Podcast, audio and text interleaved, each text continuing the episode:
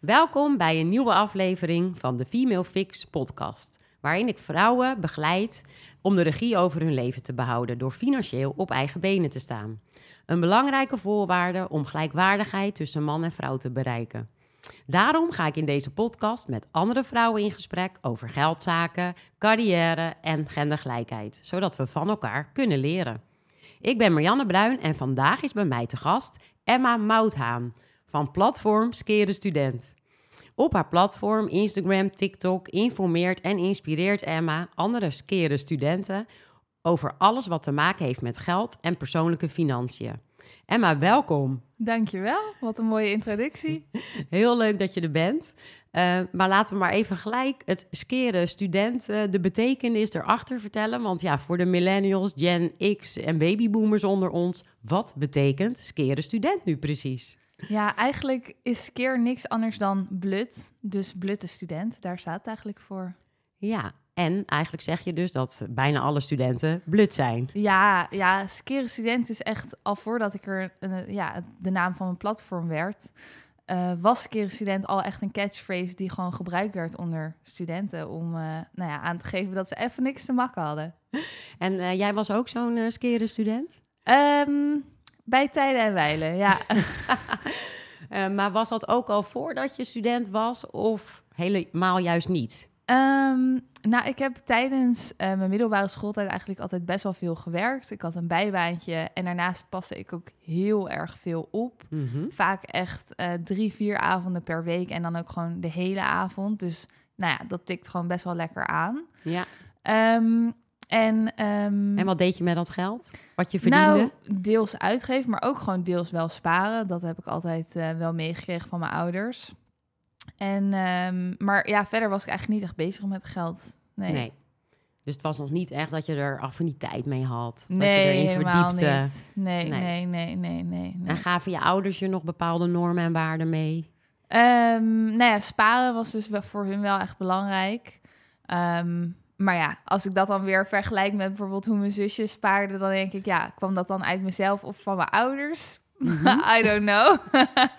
ik bedoel, daar zitten dan toch wel weer verschillen in. Uh, maar um, nou, weet je, ze hebben wel gewoon altijd geleerd van, hè, voor geld moet je werken. Dus dat, dat, ja, ik ben zelf ook gewoon jong begonnen met werken. Ja. En uh, ja, je kan het maar één keer uitgeven. Ja. Hey, en uh, dus vervolgens ben jij gaan studeren. En toen uh, ben je toch gaan besluiten om tot een lening te komen. Ja. Um, had je dat van tevoren ook al ingecalculeerd of had je daar bepaalde redenen voor? Um, nou, voordat ik ging studeren, uh, zeg maar echt die zomer voordat ik ging studeren, ik was toen uh, net 18. Mhm. Toen ben ik gaan kijken van oké, okay, wat gaan mijn kosten zo meteen worden? Uh, kan ik mijn bijbaatje nog aanhouden? Um, Hè, dus qua inkomen, maar ook qua uitgaven, waar moet ik een beetje aan denken? Wat, wel goed dat je dat dan al deed. Ja, ja, ja. Je was al bezig met inzicht en overzicht ja, creëren. Ja, ja, ja, en daar hadden mijn ouders me ook wel bij geholpen. Um, maar ik kwam er toen eigenlijk achter dat mijn kosten zo hoog waren dat ik zonder lening gewoon niet zou kunnen rondkomen. Mhm. En ik uh, ben toen ook gestopt eigenlijk met mijn bijbaantje uh, in loondienst gewoon. Want dat was gewoon niet echt meer haalbaar. Want ik ging op kamers en ik ging ook best wel een zware studie doen. Ja. Dus ja, weet je, hoe wil je dat dan gaan combineren? En ik had ook zoiets van, ja, ik wil gewoon wel mijn studie nominaal halen. En nou ja, het was best wel studiegericht uh, wat dat betreft. Um, dus uh, ja, ik dacht, ja, lenen is uh, where it's at. Ja, en hoe gaat dat dan? Hè? Besluit je dan om elke maand een vast bedrag over te maken? Um, heb je zicht op wat je leent? Hè? En zie je elke maand zeg maar, die bedragen dan oplopen? Hoe werkt dat tegenwoordig? Uh, nou, tegenwoordig weet ik niet helemaal meer. Want ik het bedoel, is alweer ja, even precies, geleden. Het is even geleden en er is ook wel een en ander alweer veranderd uh, sindsdien. Maar goed, het zijn hele kleine veranderingen, moet ik wel zeggen. Mm -hmm. Maar toen ik ging studeren... Um, ja, kon je eigenlijk met drie klikken uh, ja, een maximale uh, lening aanvragen. Mm -hmm. En uh, dan ook nog eens dat die elk jaar zeg maar, met de inflatie automatisch nog eens verhoogd werd. En nou ja, dat regel je één keer en vervolgens hoef je er niks meer voor te doen. En ja, loopt dat gewoon door. En dan krijg je elke maand dus een bedrag Ja. uitgekeerd. Ja, ja, ja, ja, ja. En dat bedrag wat je krijgt uitgekeerd, ehm, ja, dat komt dan natuurlijk op jouw eh, bankrekening terecht. Ja, Ehm, en, en die lening die dan oploopt bij eh, Duo, ja. ehm, zie je dat dan ook maandelijks oplopen? Of zie je het niet als je het niet wil zien? Nou, je zou het kunnen zien. Alleen je hebt als student eigenlijk niet heel veel te zoeken op de website van Duo, zeg maar in het Mhm. inloggedeelte. Want wat ik net al zei, jij regelt het één keer en dan loopt het door. Dus ik ging ook niet elke maand inloggen. Ik, ja, ik weet niet, ik was, stond er eigenlijk helemaal niet bij stil. Ik was gewoon bezig met mijn studie. En nou ja, hè, wat ik wel zei van hè, zonder lening kon ik sowieso niet rondkomen. Ja, Ehm, dus ja, ik weet het ook. Ja, gewoon niet bij stilgestaan verder. Nee, het was gewoon geen onderwerp in mijn leven. Nee. nee. Maar het wordt je dus super makkelijk gemaakt. Ja, Eh, wat je niet ziet, eh, bestaat niet. Hè? Letterlijk je kop in het zand. Want ja, Ja. nou, als student denk je ook, ik leef nu. En wat, we zien straks wel hoe we die lening ooit eh, weer gaan afbetalen. Ehm, maar dat is, eigenlijk zou je hier ook iets aan willen doen vanuit een duo... of vanuit misschien wel de financiële wereld... dat je die schulden veel beter zichtbaar maakt. Hè? Dat die ook Ja. gewoon zichtbaar is in je bankieren-app bij wijze van. ja. Want ja. dan denk je toch elke keer, want dan heb je een soort loss aversion. Hè? Mensen zijn angstiger voor verlies dan voor winst. Ze willen eigenlijk helemaal niet rood staan. Ja. En dan gebeurt er wat met ze. Dus dat zichtbaar maken, dat zou volgens mij wel een beetje helpen in... oh, dan maar maximaal lenen. Ja. Dat maakt dan die barrière toch wat groter. Ja, ja, ik heb ook wel gehoord dat ze sindsdien bij Duo, zeg maar bij het aanvragen, het wel zeg maar de drempel ietsje hoger hebben gemaakt. Mhm. Dus dat vind ik wel goed. Maar wat mij betreft zou inderdaad bij het voorlichtingsgedeelte ook heel veel winst eh, nog te behalen zijn. Ja. ja. Nou, en dan heb je ook nog, die lening was 0% rente, denk ik, hè? Ja, toen wel. Ja, ja, ja, ja, ja. En dat hebben ze nu ook verhoogd. Ehm, ja, deels. Zeg maar, het is best een ingewikkeld systeem eigenlijk qua rentes. Mhm. Eh, zolang je studeert, wordt de rente elk jaar aangepast. En tijdens mijn studententijd is hij eigenlijk elk jaar opnieuw vastgesteld op 0%. Ehm, en eh, nou ja, dat is dan de rente voor dat jaar voor het hele bedrag wat je tot op dat moment hebt geleend. Ja. Op het moment dat je bent afgestudeerd, eh, wordt de rente voor eh, vijf jaar vastgezet op, het rente, op de rentestand die Ja. op dat moment geldt. Ehm, en dan na die vijf jaar wordt die dan weer opnieuw vastgesteld op dan dus de rentestand van dat jaar weer opnieuw voor vijf jaar. Dus dan heb je ja, iets meer zekerheid. Ja, ja. Maar, Maar, eh, het kan dus zijn dat na die vijf jaar... dat die opeens naar eh 1,8 Ja. gaat. Ja, zeker. Ja, hij is nu al eh 1,76 procent voor mensen die onder het oude stelsel vielen. Dus ja, Ja. dat is opeens van 0 naar 1,76. Is Best wel een flinke stap. Ja, en heb je dan ook nog dat die binnen een aantal jaar terug betaald moet worden? Ehm, ja, onder zeg maar het. Ja, goed, ik noem het nu oude stelsel, maar we hebben nu zo meteen natuurlijk twee oude stelsels. Zeg maar het oude basisbeursstelsel, dat is dus ook waar die 1,78% voor geldt. Mhm. Ehm, als je daaronder valt, dan moet je het afbetalen in 15 jaar. Onder het leenstelsel 35 jaar. Ja, En een nieuwe basisbeursstelsel weet ik eigenlijk niet, want daar is volgens mij nog niet heel veel over bekend. nee. Nou ja, Dus, dat is eh, fijn dat er een nieuw basisstelsel is. En men, dus eh, studenten die krijgen weer een basisbeurs. Ja. Nou, dat is wel heel erg prettig. Ja, Maar dat neemt niet weg dat er dan ook minder geleend wordt. Hè. Dat- vraag ik me dan nog af. ja. ja. Heb je daar inzicht in? Ehm, nou ja, deels gaat er sowieso minder geleend worden, omdat ehm, de lening die je eh, kunt krijgen, is eigenlijk wat je krijgt van Duo qua aanvullende beurs eh, plus basisbeurs en dan aangevuld tot een bepaald bedrag. Ja. Dus als je basisbeurs of je aanvullende beurs hoger is, kan je dus automatisch minder, Minder lenen. lenen. Mm. Precies. Ja, ja. Maar, ehm, zeg maar ik vraag me wel af of het totale bedrag wat studenten dus gaan ontvangen van Duo naar beneden gaat. Omdat er aan eh, voorlichting is nog steeds niks gedaan. Daar Nee. zoeken ze de verandering niet in. Terwijl ik denk van ja, studenten hebben niet heel veel aan steeds maar extra geld krijgen als ze niet goed weten hoe ze dat geld zo goed mogelijk kunnen gebruiken. Precies. Dus, uh, en dat ze het ook echt alleen voor hun studie gaan gebruiken en niet voor uh, de boodschappen. Ja, nou ja, op zich, hè, boodschappen doen is natuurlijk ook een essentieel uh, onderdeel van, van het leven. En ik denk ook wel dat, dat als student zijnde afhankelijk van je doelen, dat het helemaal geen verkeerde uitgaven hoeft te zijn om je basisbeurs uit te geven aan de boodschappen Mhm. bijvoorbeeld. Um, maar ik denk wel dat het belangrijk is dat studenten zich goed realiseren, soort van de mogelijkheden die je hebt met geld. En ook heel erg, het hoeft niet alleen maar altijd moeilijk en saai en stom en ingewikkeld te zijn, maar ook de positieve kant van geld zien. Want als je dat gaat zien, Mhm. dan vind je het leuk en dan ga je met een hele andere manier uh, met je geld om. Dus Ja. dat heb ik zelf gemerkt. Ja, en dat is ook wat jij uh, tracht te doen met je platform, Ja. het skeren student. Want kun jij eens uh, vertellen hoe je daarbij bent gekomen? Ja, ja. Eigenlijk eigen ervaring. Um, ik ben op een gegeven moment tijdens mijn studie ziek geworden. En toen Mhm. moest ik dus inloggen bij Duo om een en ander te regelen. En toen werd ik dus wel geconfronteerd uh, met mijn studieschuld. En uh, op dat moment was hij 62, 63.000 euro. Zo. Ja. Hoeveel jaar was dat? Dat was na vijf en een half jaar. Ja, Ja, dus wel, uh, wel gewoon nominaal gestudeerd. Maar, En dat was de eerste keer dat je dat ja, zag, dat hoge ja, bedrag. Ja, ja, ja. En, ja. wat, en wat dacht je toen? Ja, shit. ja. ja, want ik was op dat moment dus ook nog eens ziek. Ja, Dus ehm, je zit dan en met een, dus een financieel probleem en zeg maar met fysiek dat het gewoon niet goed ging. Dus dat was wel echt een heel, uh, ja, echt een dieptepunt wel. ja, Ja, dat snap ik. ja. En, en had je wel een uitzicht op dat je snel weer beter zou worden? Of was dat er ook niet? Nee, nee, nee, nee.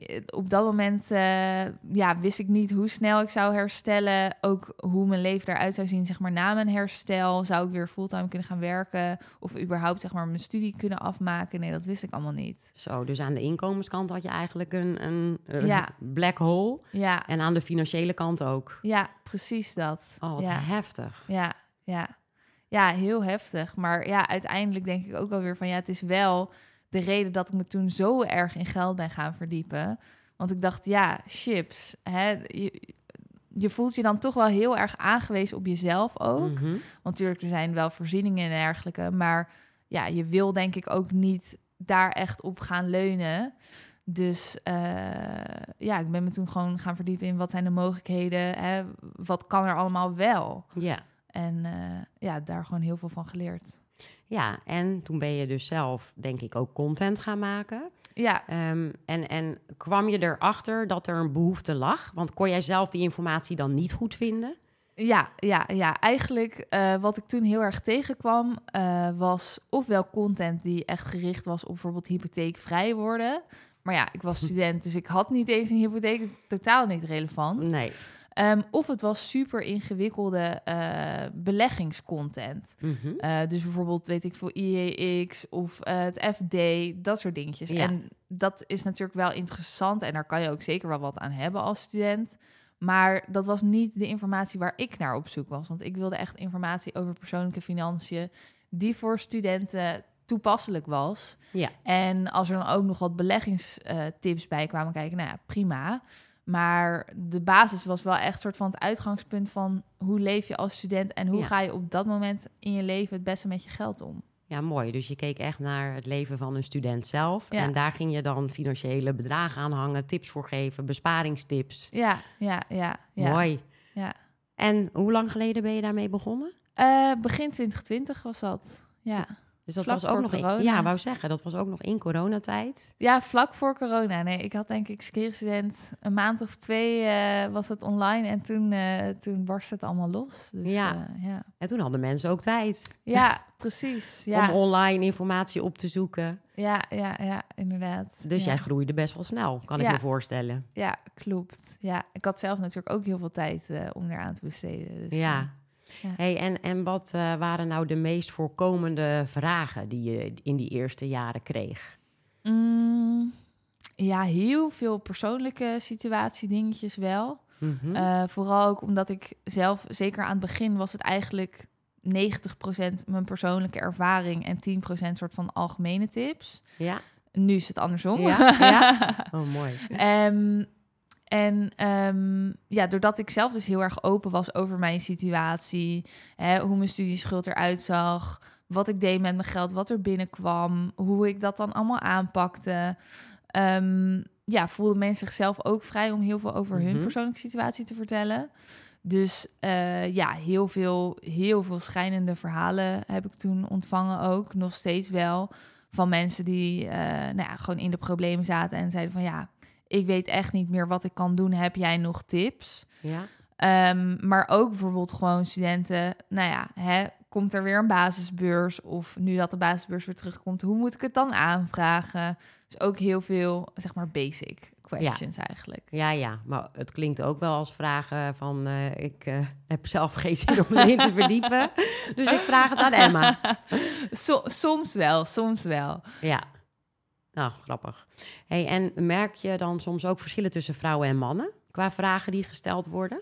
Ehm, nou, wat ik heel grappig vind is dat ehm, ik richt me niet specifiek op vrouwen. Mhm. Maar ik zie toch in de statistieken dat eigenlijk veel meer vrouwen mij volgen dan mannen. En ik denk zelf dat dat komt omdat ja, je bent toch een vrouw, dus dat trekt misschien toch eerder andere vrouwen aan of zo. Mhm. Ehm, heb zelf niet het idee dat ik nou hele vrouwelijke onderwerpen behandel. Maar ehm, qua vragen, wat ik daarin terugzie, is dat mannen vaak veel meer. ehm, ja, dit klinkt heel lullig. Sorry, ik wil hier niet voor gecanceld worden. maar dat mannen veel vaker het idee hebben dat je ze ook echt een antwoord verschuldigd bent. En dat ze gewoon even hun dingetje bij jou kunnen ploppen. En dat jij dan gewoon daar antwoord op moet geven. En snel ook een beetje. En ehm, ja, en terwijl vrouwen. eh, die leiden hun vraag in. Hè, die zeggen, nou ja, hè, zo leuk alles. Misschien lees je dit niet eens, maakt niet uit. Bla bla bla. En, en dan komen ze met een vraag Mhm. die vaak ook, ehm, nou ja, gewoon wat lastiger is, waarvan ik eerder snap dat ze hem stellen. Oh ja. Eh, dus dat vind ik wel interessant. Maar goed, het geldt natuurlijk niet voor alle mannen. Dus eh, Ja. ja. Dus de mannen lijken iets eh, directer. ja, ja, En vooral iets meer alsof ze er wel recht op hebben. Ja, ja, op een antwoord. Ja. En vrouwen die waarderen het enorm dat Ja. jij daar tijd in steekt, zijn Ja. wellicht iets bescheidener. Ja, ja, precies. En snappen ook dat jij af en toe gewoon geen tijd hebt en Ja. dat het soms drie dagen duurt. Ja, ja, Mm, ja. Grappig. Heeft misschien dan ook wel een beetje met het macho eh, testosteron te maken. Oké, en als je dan hebt over eh, de schulden, hè, als je daarnaar Mhm. kijkt, merk je dan een verschil tussen mannen en vrouwen? Eh, is het dan zo dat mannen wellicht ook qua schulden iets meer risico durven nemen, iets meer durven te lenen bijvoorbeeld? Mm, ja, durf ik zo niet te zeggen. Nee, ja, het is sowieso lastig natuurlijk voor mij, want hè, alles wat ik hierover weet is eigenlijk anekdotisch. Tenminste, Ja. er, er zijn wel ook cijfers van, van CBS en ik geloof dat daaruit komt dat bijvoorbeeld mannen iets langer thuis blijven wonen dan vrouwen en dat mannen iets hogere studieschulden hebben. Mhm. Eh, maar dat, dat zijn dan gewoon hele kleine verschillen. Verschillen. Ja. Dus ehm, ja, ik durf daar niet zo eh iets Nee. over te zeggen. Nee. Nee. Nee, dus eh, op zich ben ik daar wel eh, nieuwsgierig naar. Hè? Ook als je het hebt dan over achteraf betalen. Ja, Ehm, eh, ja, of daar een verschil in zit. Ik, ik kan het me wel voorstellen, maar misschien weet jij wel of je ziet dat eh, mensen minder financieel bedreven zijn, hè, studenten, eh, omwille van de digitalisering. Ik kan me voorstellen dat een aankoop is nu veel sneller gedaan. ja, Eh, en je hebt de fear of missing out, het vergelijkingsdilemma als je online kijkt. Nou, je wordt natuurlijk overspoeld met interessante content en de nieuwste gadgets. ja, Ehm, ja, dat een impulsaankoop toch veel sneller is gedaan dan vroeger. Mhm. En dat je dat ook wel terugziet in dus ehm, ja, het schuldenpatroon en de financiële kennis die misschien wat achteruit loopt. ja, ja. Ehm, ja, ik weet niet of dat zozeer met zeg maar digitaal te maken heeft, maar wat ik wel heel erg zie, is dat eh, als je dan dus gaat hebben over financiële kennis, dat er bij vrouwen al van jongs af aan eigenlijk toch ehm, ja, het stigma heerst van, oh, ik ben slecht met geld, want ik ben een vrouw. Of ik kan niet goed rekenen, want ik ben een vrouw. Of ehm, hè, beleggen is zo interessant, dat laat ik mijn man wel doen. Of mijn vriend zoekt dat uit. Of eh, ja, ik weet het allemaal niet hoor. Ik trek mijn handen ervan af, dat zoekt mijn broer wel eh, uit. Of eh, ja, mijn vader wordt- regelt dat voor mij. Dat krijg jij letterlijk te horen. Ja, ja, ja, ja, ja, ja, Ja. ja. Ook van vriendinnen, ja. Oh, dus dit zijn echt nog onbewuste overtuigingen Ja. die je dus als jong meisje meekrijgt. ja. Dat de financiën en beleggen, dat dat Ja. allemaal iets voor de mannen is. Ja. En dat jij daar eigenlijk helemaal geen tijd aan hoeft te besteden, want Ja. dat is eigenlijk minder voor jou weggelegd. Ja, precies. Ja, terwijl dat is helemaal niet zo. nee, hè? helemaal Want, niet. eh, vrouwen die zijn veel betere beleggers. Dus, eh, en ook met, met gewoon geld kunnen vrouwen hartstikke goed daarmee omgaan. Dus, Ja. eh, Nou ja, zeker. Hè? Helemaal als je het hebt over die korte termijn. Ehm, mannen staan vaker rood. Die doen Precies. sneller een impulsaankoop. Eh, vrouwen zijn heel goed in inzicht en overzicht creëren. Alleen Ja. die langere termijn, nou, daar hebben ze nog Ja. een beetje hulp bij nodig. ja. Heel goed dat jij dat dus doet, hè? al eh, bij de studenten. Nou, ik probeer dat eh, op mijn manier ook te doen. Maar wat natuurlijk wel zo is, de financiële wereld is natuurlijk wel door mannen, voor mannen gecreëerd. ja, Hè? Vanuit het verleden, vanuit de cultuur, vanuit de mannen die vroeger eh, het werk deden en verantwoordelijk waren voor inkomen. Mhm. Eh, dus het is wel mooi dat daar verandering in komt. ja. En daarom vind ik het echt heel tof dat jij dat eh, dus met jouw platform ook doet. En dat je dus inclusief bent en toegankelijk bent voor juist vrouwen en mannen. ja, dank. Ja, heel goed van jou. Ehm, en ehm, wat zijn dan financiële levenslessen hè, die jij Mhm. inmiddels nu hebt geleerd, ehm, die jij heel graag zou willen delen in deze podcast? Oeh, mooie vraag. Ja, ik denk toch wel, ehm, het is nooit te laat om te beginnen. Hè, dat hoor ik soms wel van mensen die zijn dan bijvoorbeeld net iets ouder dan ik.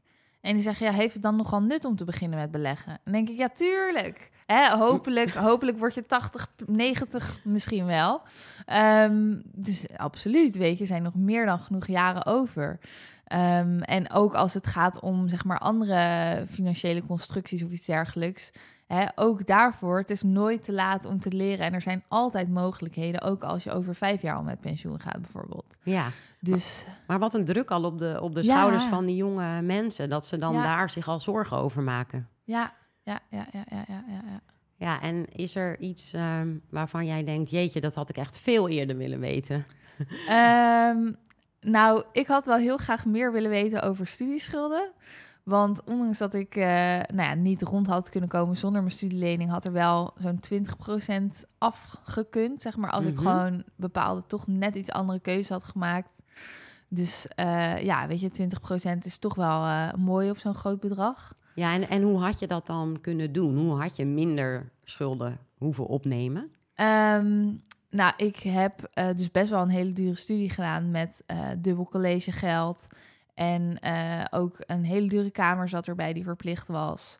En eten deden we dan bij de dining hall op campus, maar dat was ook weer duur. En ehm, ik had, zeg maar, naast de kosten daarvoor had ik gewoon nog, nou, ik denk tussen de 100 en de 250 euro of zo gewoon, zeg maar, vrij te besteden Ja. elke maand. Ja. Voor nou, extra boodschappen, kleding, uitjes, I don't know. Uitgaan. Precies, dat soort dingetjes.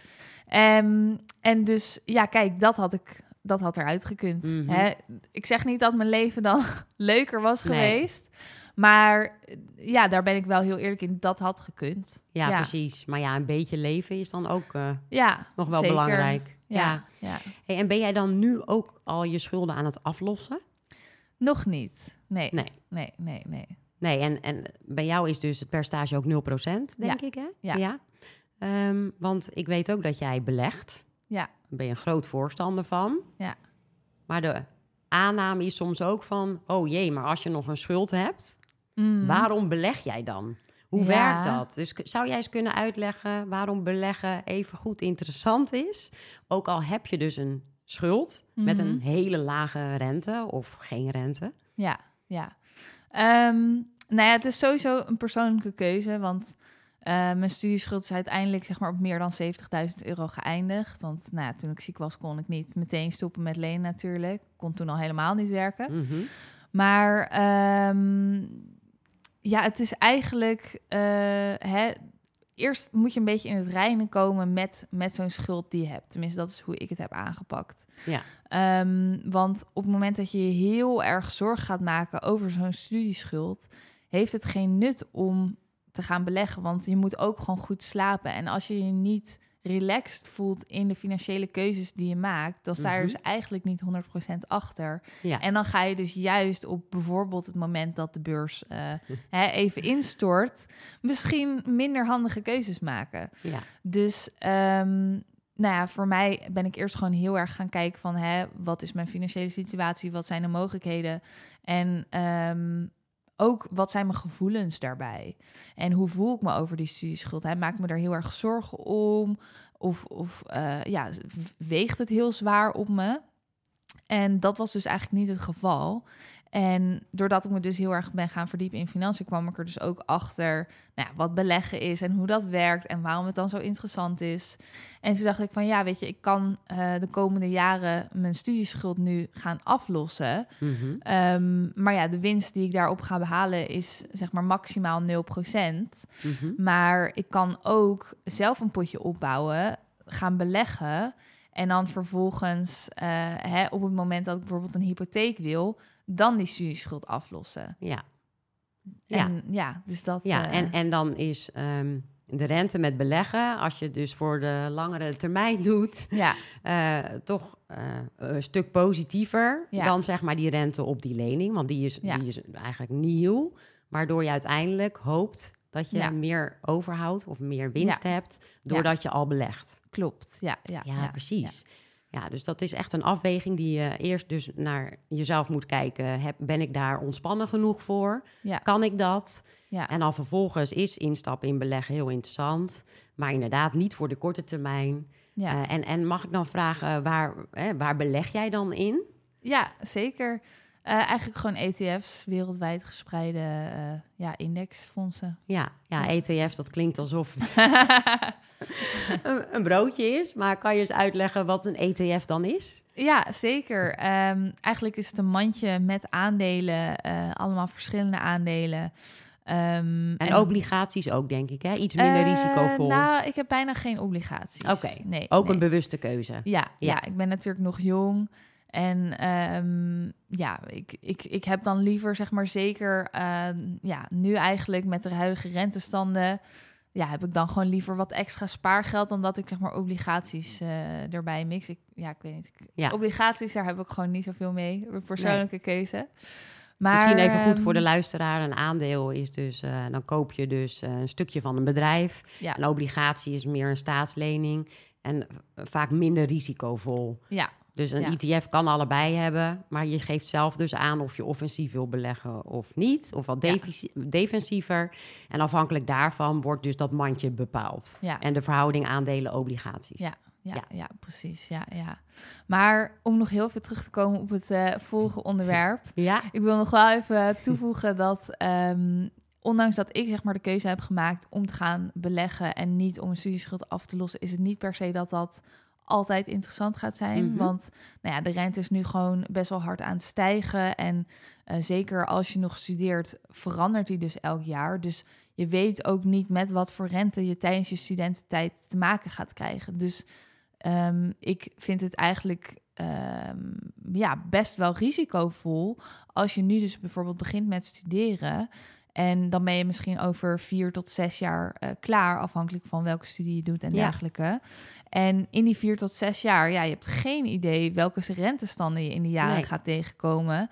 En met welke rentestand je dus na, die, eh, na dat afstuderen, zeg maar, die eerste vijf jaar ingaat. Precies. Dus, en dat kan ehm, na die vijf jaar ook weer veranderen. Precies, Ja. precies. Dus ik, ehm, zeg maar wat dat betreft, ja, ik zou daar ook wel echt graag verandering in zien bij Duo. Want dat maakt het gewoon voor studenten ook super lastig om in te schatten, als je dus student bent, van ja, wil ik nou geld lenen, ja of niet? Want eigenlijk heb je geen idee en kan je ook gewoon niet weten waar je ja op zegt als je dus wel geld gaat Ja. lenen. Want ja, je weet de kosten gewoon nog niet. Nee. En dat is denk ik eh, nooit eh, een goed uitgangspunt. Nee, nee, goed dat je dat zegt. En Het heeft ook weer eh, impact op je verdere leven. Ja. Hè, wat je zegt, als je een huis wil kopen, Ja, hypotheek afsluiten. Als jij Ja. dus een studielening hebt, dan kun je eigenlijk minder lenen. ja veel Voor je minder. huis. Ja, ja, Ja, en je moet tegenwoordig ook je studieschuld overleggen. Hè? Die moet je laten zien wanneer jij een huis koopt. Ja. ja. Ja, dus de, dus de afweging ga ik aflossen, ga ik beleggen. Eigenlijk is het interessant om het allebei te doen, denk ik. ja, Als dat kan. Ehm, maar eh, neem niet weg, eh, je zou al een stukje kunnen gaan beleggen. Eh, maar doe dat dan inderdaad safe. En wat ik ook een hele mooie vind, en volgens mij doe jij dat ook, dat is Peaks. Heb ik beleggen. gedaan. Ja, heb ik gedaan. Ja, Ja, ja, ja. en dat is eh, niet meer van Rabobank, dus dat zal ik er bij deze ook eh, bij zeggen. Het is een onafhankelijk eh, platform, maar dan beleg je met je wisselgeld. Ja, ja, Ja, en juist voor studenten vind ik dat wel een hele leuke manier om te beginnen met beleggen. ja, ja, ik vond het ook heel erg leuk. Maar ik vind wel, de kosten zijn op een gegeven moment best wel omhoog Mhm. gegaan. En daardoor is het hele interessante er eigenlijk afgegaan. Want juist met je wisselgeld is natuurlijk kleine bedragen. Ja, Dus dan worden de kosten ehm, ja, in verhouding eigenlijk zo hoog dat het een stuk minder interessant wordt om dus ook eh, ja, te blijven beleggen met, met peaks in dit geval. ja, ja klopt. De Dus- kosten die liggen een stukje hoger dan Ja. een eh, ETF. Ja, Ehm, wat, wat ik wel mooi vind, is je kan daar nu ook op sparen. En ook sparen met je wisselgeld. Mhm. Eh, en de rente is daar ook wel echt interessant. ja, Ehm, de- dus eh, leuk om mee te starten. Wat eh, Emma zegt, de kosten liggen ietsje hoger. Maar eh, als je het toch nog spannend vindt om te gaan beginnen met beleggen, is Peaks wel een eh, leuke app om eh, mee te oefenen. ja, nee, sowieso denk ik, je kan beter beginnen met beleggen met hoge kosten. En dan op een gegeven moment als je hè, je wat meer relaxed voelt in je beleggingen en in je eigen skills daarin overstappen naar een goedkopere partij, dan denken, nou ja, ik ga gewoon niet beginnen. Nee, Want nee, dat, dat, dat gaat je op, op de lange termijn gewoon veel meer kosten. ja, eens. Hey, en nu ben ik natuurlijk ook heel erg benieuwd. Eh, waar komt jouw hoofdinkomen nu vandaan? Ja, eigenlijk meerdere eh, bronnen. Mhm. Eh, deels is Keren Student. Deels is ook een tweede bedrijf wat ik heb opgezet, wat eigenlijk meer ehm, nou ja, influencer management is. ja, En ehm, nou ja, verder ben ik nog, nou ja, hier doe ik een, een, een snabbel daar doe ik een, iets kleins. Ehm, ik doe een en ander voor consultancy en eh, nou ja, er komen hele grote projecten aan dit najaar, maar daar mag ik nu nog niks over zeggen. Maar Oeh, spannend. dan eh, ga ik ook een en ander doen voor eh, wat organisaties. Dus ehm, ja, het, het is eigenlijk allemaal voortgekomen vanuit Skere Student. ja, Maar mijn inkomen komt nu niet meer uit Skere Student. Maar de, zeg maar de leads komen daar wel vandaan, zeg Ja. maar. ja. Hey, en eh, hoe belangrijk is het voor jou om eh, financieel onafhankelijk te zijn? Want ik neem aan dat je nu kunt leven van jouw Ja. inkomstenbronnen. Ja. Hoe belangrijk is het voor jou, die zelfstandigheid? Ja, heel belangrijk. Ja. Nee, toen ik ziek was, ehm, toen heb ik wel echt, ehm, nou ja, eigenlijk wat ik net ook al zei, hè, je wil gewoon niet afhankelijk zijn van ofwel de staat, ofwel je ouders of andere mensen om, om financieel of op welke manier dan ook voor je te zorgen. Ehm, dus ik had toen heel erg, eh, toen las ik ook voor het eerst over FIRE. Oh ja. En dat sprak me toen heel erg aan. Want toen dacht ik van, nou ja, weet je, als ik dan ooit opnieuw ziek word of er is wat, dan weet ik dat ik gewoon altijd safe zit. ja, en FIRE is Financial Independent, Retire Early. Ja, Dus precies. zoveel mogelijk inkomsten, zo min mogelijk kosten. Ja, ja, Ja. precies. Ja, Ja. eigenlijk is het idee daarachter dat je verhoog, vermogen zo hoog is dat je van het rendement op je vermogen kunt leven. Ja, en met pensioen kan. Precies, dat zou dus bijvoorbeeld kunnen. ja. Ja, ja, ja. Nou, dat is op dit moment niet meer mijn, mijn doel, want Mhm. ja, ik vind werken gewoon leuk en ik, ja, het trekt me gewoon niet meer zo heel erg in die zin. Maar wat ik er wel nog heel interessant aan vind, is dat het heeft wel ehm, heel erg duidelijk gemaakt aan mij in ieder geval wat de kracht dus is van een vermogen opbouwen en wat dat je kan brengen. Ja. En ehm, ja, dus ook de vruchten die je daarvan kan plukken als het dus bijvoorbeeld eens een keer wat minder gaat. Stel, ik heb bijvoorbeeld eens een tijdje wat minder inkomen vanuit mijn bedrijven. Eh, nou ja, dan heb ik gewoon vermogen om op terug te vallen. Ja. Ja, en keer jij jezelf dan maandelijks een eh, vast bedrag uit? Ja, Ja, dan kan je dus die schommelingen ook eh, beter opvangen. ja, nou, heel verstandig. en ben jij ook al bezig met eh, je, je latere leven? Ja. Dus eh, vermogen voor later. Hè? Dat, dat je daar heel bewust mee bezig bent, zodat je later kan leven zoals nu. Ik zit er nu over na te denken om te gaan pensioen beleggen. Dus dan Mhm. val je weer in net andere hè, belastingtarieven. En Ja. dan kan je het weer aftrekken van je inkomen. Ja. Dus dat, dat is dan fiscaal gezien best wel interessant. En eh, nou ja, ik zit nu ook op zo'n inkomen dat daar dus ook jaarruimte is ontstaan. Ja. Dus daar ga ik dit jaar gebruik van maken. En eh, ik denk dat ik ook even moet opzoeken of ik dat misschien vorig jaar niet ook al had. Nee, maar, precies. Want jaarruimte, dat is nog wel even goed om te benoemen. Dat is dan, eh, dan is inzichtelijk dat je eigenlijk te weinig aanvullend pensioen hebt. Hè? Dus dan ben je niet in loondienst. Dus dan bouwt je werkgever geen pensioen voor jou op. Maar, en dan is er dus ruimte om te gaan pensioen beleggen. En dan heb je diverse belastingvoordelen. Ja. Ja, Dus dat is heel verstandig om te doen als je dus ondernemer bent. En Ja. dat ben jij. Precies, ja, ja, ja. Ja, nee, nou, dus dat staat op, eh, op, op de planning voor, Ja. eh, voor dit jaar. Ja, En, en ben je ook al bezig met eh, een huis kopen? Ja zeker. Ja, ja, ja. Ik, ehm, nou ja, ik, ik wil er nu nog niet te veel over kwijt, maar eh things are happening. Ja, oh, mooi, mooi. Maar dus het is niet zo dat je denkt, oh, ik wil zo eh, min mogelijk eh, vaste lasten hebben. Je ziet ook wel in dat een huis Mhm. ook een interessante inter- investering kan zijn.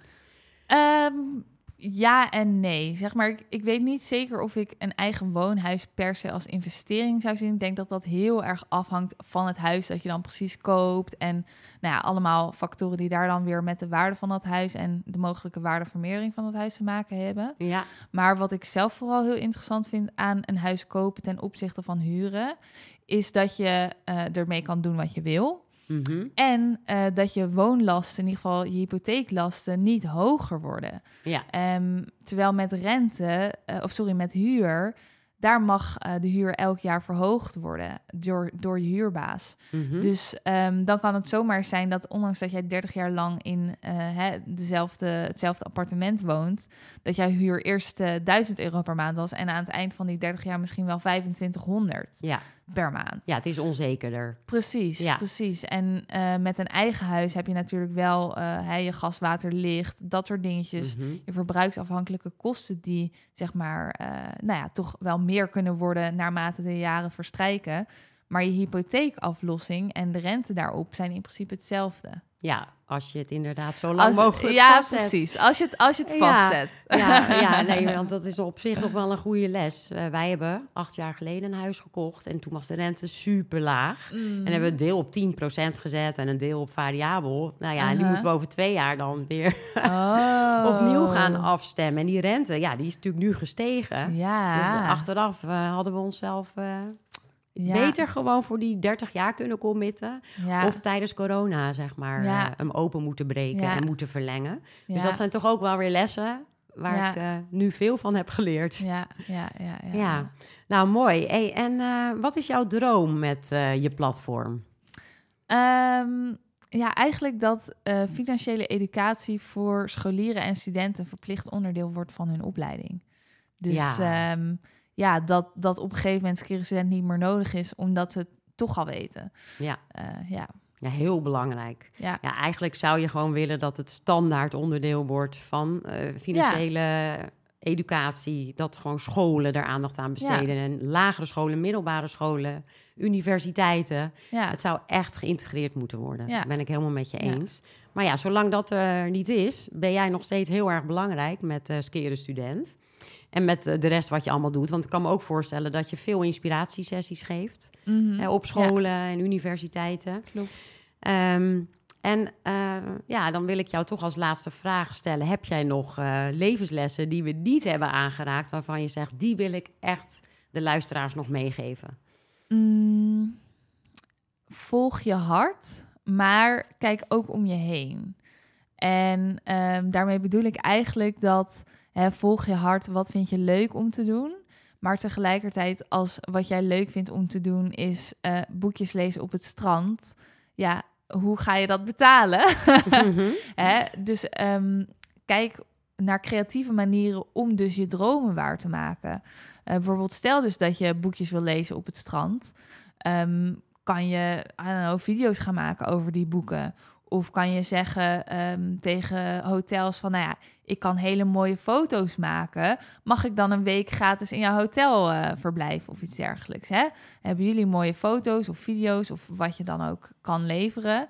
En dan kan jij lekker een paar foto's maken en dan lekker uh, hè, op het strand liggen boekje lezen. Dus ja, ik denk dat dat, zeg maar, alleen je hart volgen, dat kan gewoon niet meer tegenwoordig. Want je hebt gewoon uh, ja, met een financieel systeem te maken. Dingen kosten geld. Precies, precies. Dus je kan, je kan niet echt, echt alleen maar doen wat je altijd wil doen. Maar er zijn wel heel veel mogelijkheden om toch dat wat je wil doen uh, ook financieel gezien mogelijk te maken. Ja. ja, vind ik een hele mooie les die je geeft. Dat je die dromen die je hebt inzichtelijk maakt en daar dus ook wel een financieel plaatje aan koppelt en bedenkt hoe ga ik dit dan realiseren. Ja. Maar, maar dat vind ik dan ook nog wel een belangrijke. Dus die assertiviteit, die jij zegt van ja, ik ben echt goed in foto's nemen. Ja, en dan durven zo'n hotel te benaderen. dat, is, natuurlijk nog wel even een tweede stap. Ja, en, ja. en heb je daar dan nog tips bij van hoe, hoe eh, maak je dus je zelfvertrouwen wat groter daarin? Um, zeker. Ja, ik denk dat het uiteindelijk gewoon een kwestie is van doen en klein beginnen maar wel gewoon doen. Um, want ik heb zelf eigenlijk ook met alles wat ik uh, heb gedaan en heb geleerd, is in de praktijk leer je gewoon het meeste. Dus als jij graag hè, bijvoorbeeld beter wil worden in sales, ja, zoek bijvoorbeeld een, een cold calling salesbaantje vanuit een callcenter voor mijn part en gebruik een fake naam als je mensen opbelt. Maar ja, zoek naar manieren om daar dus bijvoorbeeld beter in te worden op een laagdrempelige manier. En waarbij als het uh, nou ja, misschien wat minder goed gaat, dat het niet ook meteen hele erge consequenties heeft of zo. Nee, nee. Dus eigenlijk gewoon doen, durven ja. voor te gaan. En als je de skills niet hebt, nou dan uh, zorg je dat je jezelf uh, bijspijkert ja. met allerlei cursussen. Nou, ja, ja. Nou, hele goeie. vandaag was de gast Emma Mouthaan van Skeren Student. Heel erg leuk dat je er was. En uh, wil je meer weten over Emma? Ga dan ook eens uh, naar haar platform. Die kun je dus op Insta of op TikTok volgen. Maar ook uh, heeft ze een website, uh, skerestudent.com is het. Um, nou ja, en wat ook nog heel leuk is om te vermelden... is dat mijn cursus live staat. Um, daarin kun je ook heel veel leren over hoe je dus nu financieel onafhankelijk bent. Maar ook in je latere leven. Dus neem een kijkje op uh, femalefix.com en uh, daar zie je in de shop uh, de tips en de tricks. En in de volgende aflevering praat ik weer met een ander inspirerend rolmodel, waarin wij het gaan hebben over een niet zo leuk onderwerp, maar wel belangrijk onderwerp. Want het gaat erover, als je partner komt te overlijden, wat moet je dan financieel allemaal op orde hebben? En regel dat preventief, want op het moment zelf ben je natuurlijk in zo'n stressvolle situatie dat je er eigenlijk niet over wil nadenken. Tot de volgende keer.